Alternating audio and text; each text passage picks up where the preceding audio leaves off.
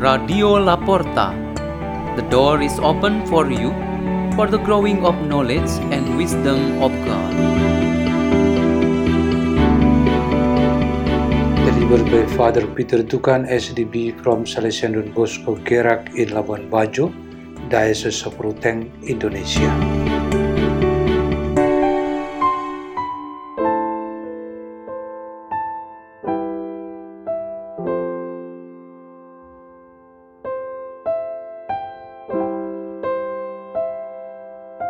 Reading and meditation on the Word of God on Saturday of the second week of Advent, December 16, 2023.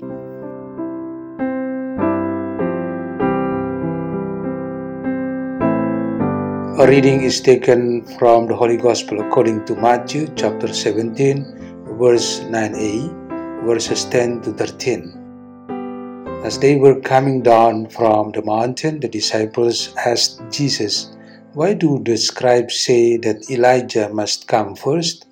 He said in reply, Elijah will indeed come and restore all things, but I tell you that Elijah has already come, and they did not recognize him, but did to him whatever they pleased. So also will the Son of Man suffer at their hands. Then the disciples understood that he was speaking to them of John the Baptist. The Gospel of the Lord.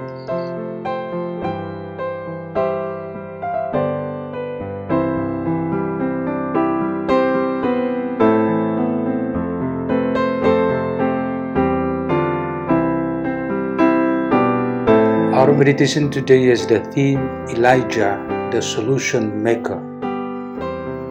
God, who uses the important figures to help us in the preparation for Christmas celebration, is actually His way to be always in our midst. We have often met the personage who stood at the boundary of the Old and New Testaments, namely John the Baptist. He was very well known. Even today, there are Israelites who view him a man of faith more important than Jesus Christ.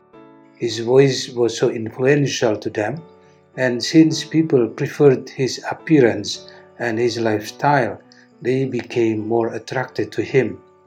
For sure, they did not realize that there was actually someone else who was much more important than John. However, the spirit of Advent will not be perfect if it does not bring to us another personage who was also very well known in the Old Testament long before the time of John the Baptist, namely the prophet Elijah. In today's Gospel, Jesus speaks with certainty and puts these two figures on an equal ground. We know both of them are great prophets, and more than that, they have the same big role, namely preparing God's people to welcome the Messiah.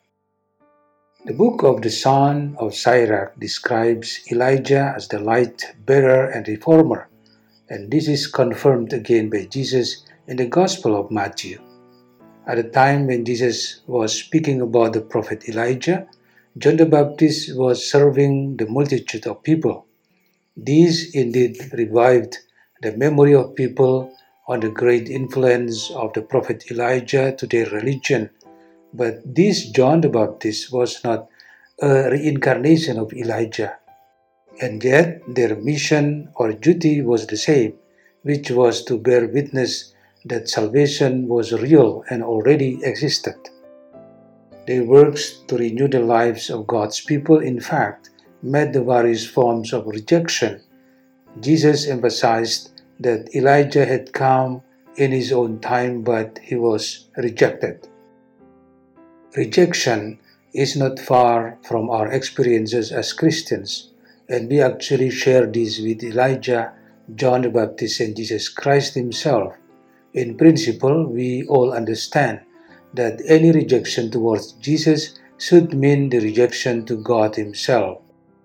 In Jesus' own term, it is the rejection towards the Holy Spirit.